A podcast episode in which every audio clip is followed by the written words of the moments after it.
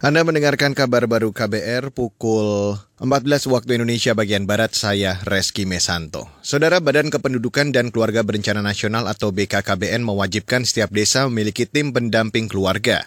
Tujuannya untuk menurunkan angka anak yang stunting atau gagal tumbuh. Kepala BKKBN Hasto Wardoyo menyebut tim pendamping keluarga terdiri dari anggota PKK, bidan, dan penyuluh keluarga berencana.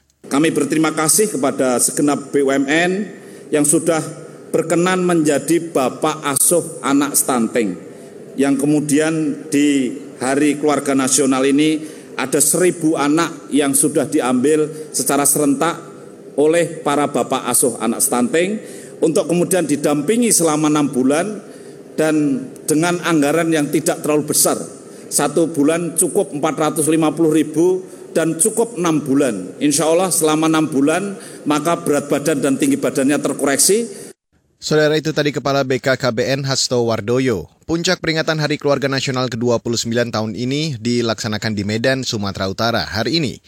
Hari ini BKBN memberikan BKKBN memberikan penghargaan kepada 14 kepala daerah dan 20 ketua tim penggerak PKK yang telah berkontribusi mendukung program pembangunan keluarga dan kependudukan.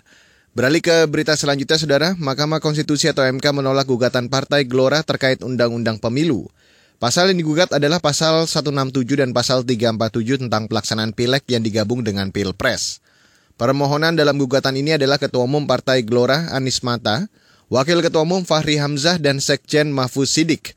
Putusan disampaikan Ketua MK Anwar Usman hari ini. Mahkamah berkesimpulan, satu, Mahkamah berwenang mengadili permohonan aku. Dua, pemohon memiliki kedudukan hukum untuk mengajukan permohonan aku. Tiga, pokok permohonan tidak beralasan menurut hukum. Berdasarkan Undang-Undang Dasar Negara Republik Indonesia tahun 1945 dan seterusnya, amar putusan mengadili menolak permohonan pemohon untuk seluruhnya. Sementara itu, Saudara Hakim MK Saldi Isra menjelaskan pemohon berkeinginan memisahkan waktu penyelenggaraan pemilu legislatif dan pemilu presiden meskipun tetap di tahun yang sama. Selain itu, pemohon, pemohon minta agar pileg dilaksanakan lebih dulu ketimbang pilpres. Menurut Saldi, permohonan itu sama saja dengan mengembalikan model penyelenggaraan pemilu pada 2014 yang telah dinyatakan inkonstitusional oleh MK. Saudara, Australia berencana memperluas pemberian dosis keempat vaksin COVID-19. Hal itu seiring peningkatan kasus rawat inap akibat penyebaran subvarian baru Omicron BA4 dan BA5. Hampir 3.800 orang kini dirawat di berbagai rumah sakit di Australia. Jumlah ini menjadi yang terbanyak sejak awal Februari lalu ketika Australia masih menderita akibat wabah Omicron.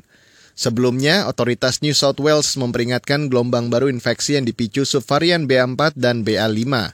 Negara bagian Victoria juga melaporkan hal yang sama dengan menyebut varian baru COVID-19 memicu penambahan kasus. Dan saudara, demikian kabar baru saya Reski Mesanto.